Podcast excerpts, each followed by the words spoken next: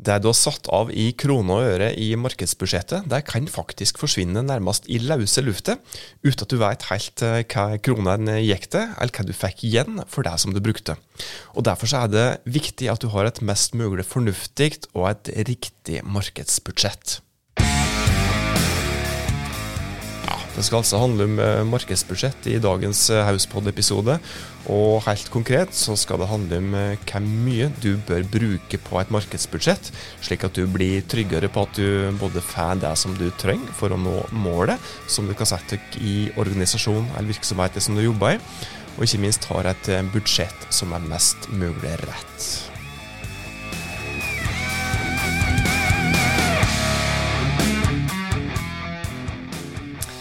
Hjertelig velkommen til nok episode av Hauspodden.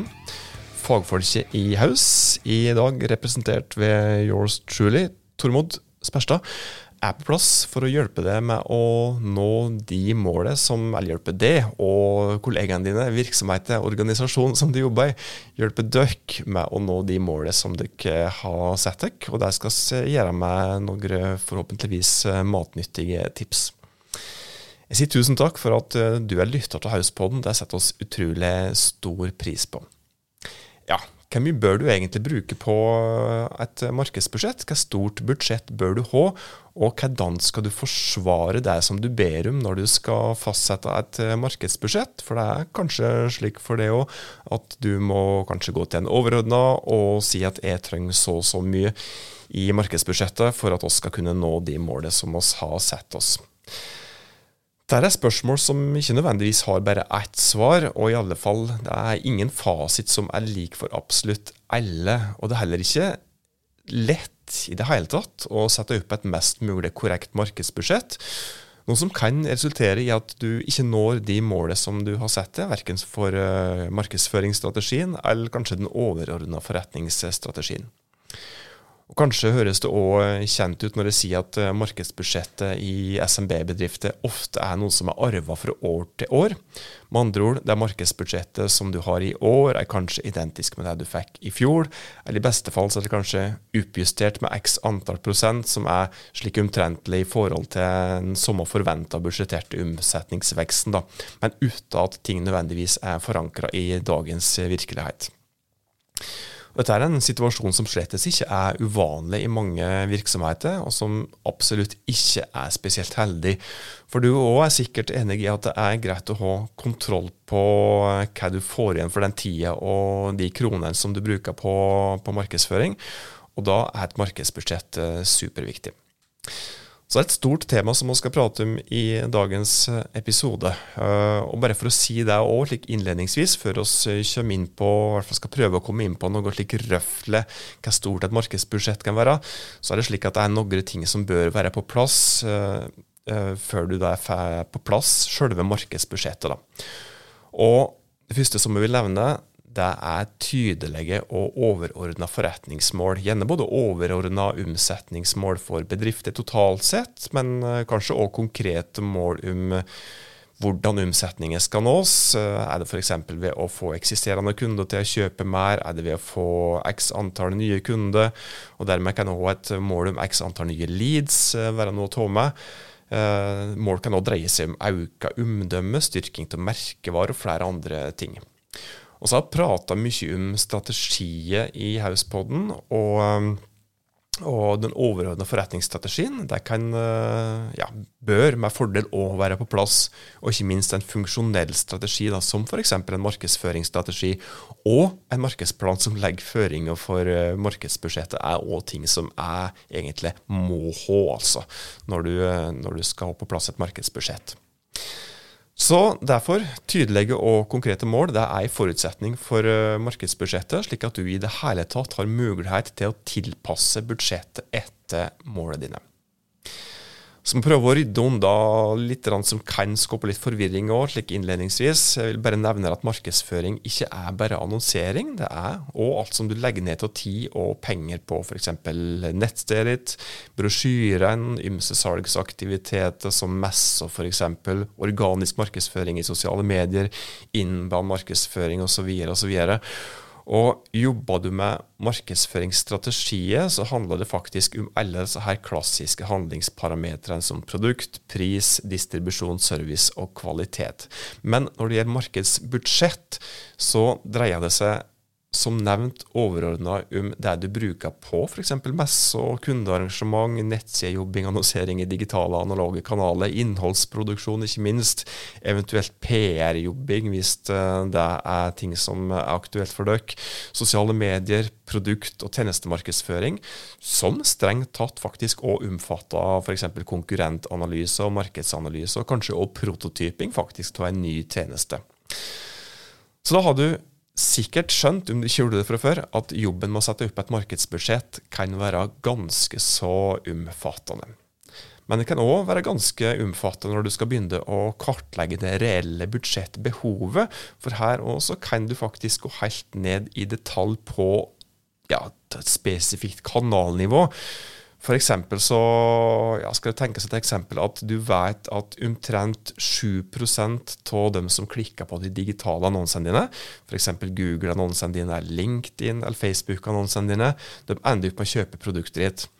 Og basert på historiske tall så vet du alltid òg ca. hvor stor prosentandel av dem som ser annonsene dine, som faktisk velger å klikke.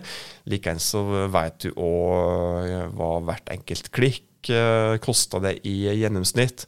Med andre ord så har du i et slikt tenkt tilfelle da, ganske bra kontroll på alle de parametrene som du faktisk trenger for å kalkulere hva stort annonsebudsjett du trenger.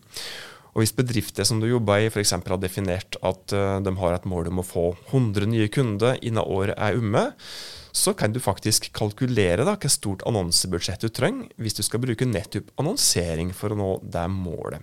Så dette er et eksempel på hvordan du eh, kan jobbe helt på detaljnivå med budsjettering for å hjelpe deg til å finne ut hvor mye du trenger i markedsbudsjettet.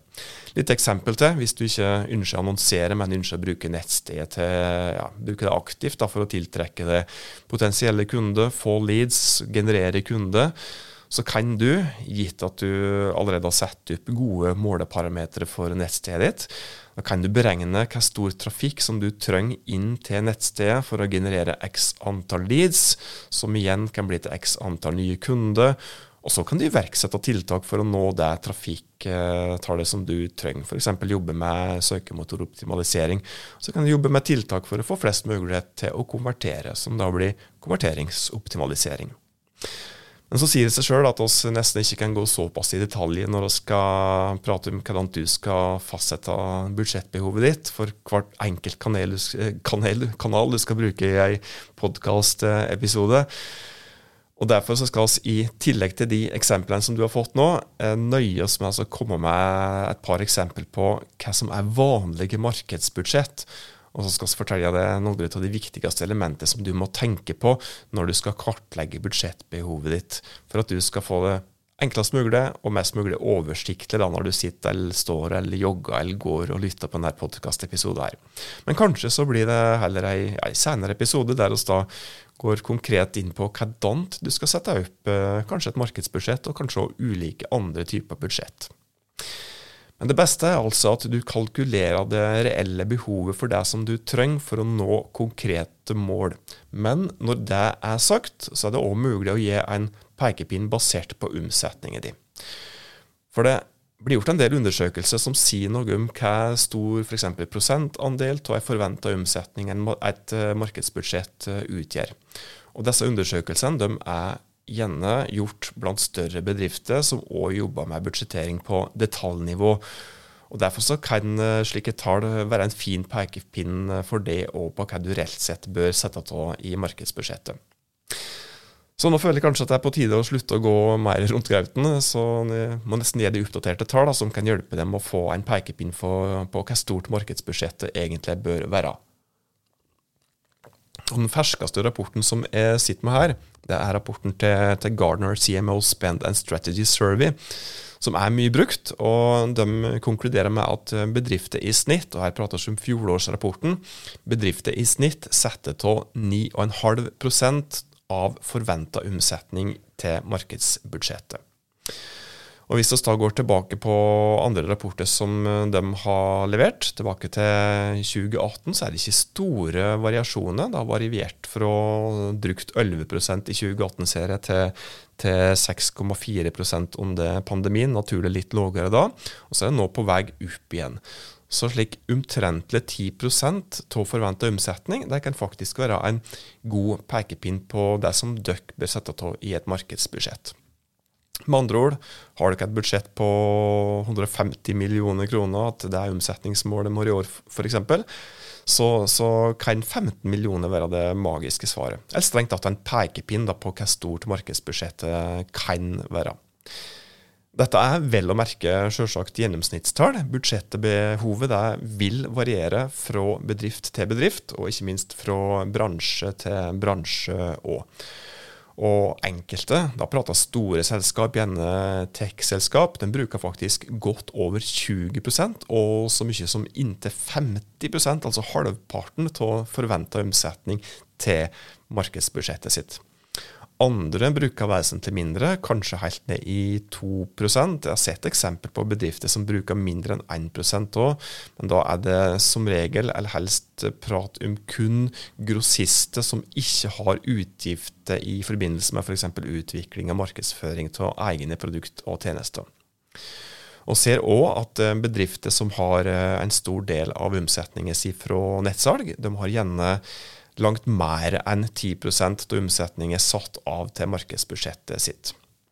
Så ser vi òg, eh, slik eh, ja, generelt sett, at de som, som, fokuserer på å selge forbrukervarer, de har òg ofte et høyere markedsbudsjett enn en del andre, gjerne rundt slik ca. 20 av forventet omsetning til markedsbudsjett. Og at de som leverer tjenester òg, gjerne har litt høyere markedsbudsjett enn gjennomsnittet. Så hvis jeg skal prøve å komme til en liten konklusjon her, eh, så er kanskje 10 av forventa omsetning rettesnoret, det er gjennomsnittet. Unntaksvis ned i eh, rundt omkring 2% og kanskje da kun i helt spesielle tilfeller. Men uansett, baser deg i størst mulig grad eh, på fakta når du skal definere eller kartlegge budsjettbehovet ditt. Analyser Prøv også å kartlegge ting eh, for å, for å, basere ting mest mulig på fakta når du skal få på plass markedsbudsjettet ditt. Liten slik bonus da, eh, når du har fått på plass markedsbudsjettet og har fått planverket på plass. Ikke glem å analysere det som du ikke er underveis. En god grunnregel er at du gjerne vil bruke mer penger selvsagt, på det som lønner seg, og mindre på det som ikke funker spesielt godt. Og Da må du investere i kompetanse for å kunne analysere. Og som oss hele tida sier i, eh, i Hauspodden, strategisk tilnærming er det som du må ha her òg. Ta utgangspunkt i overordna forretningsstrategi og overordna mål. Se på andre konkrete mål, se på konkurransesituasjonen, se på målgruppen.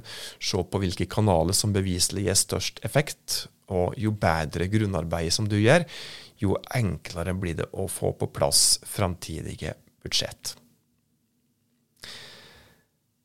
Da hadde du forhåpentligvis uh, fått uh, ja, så konkrete tips som det går an å få i en stutt podkastepisode om hva stort markedsbudsjettet ditt bør være.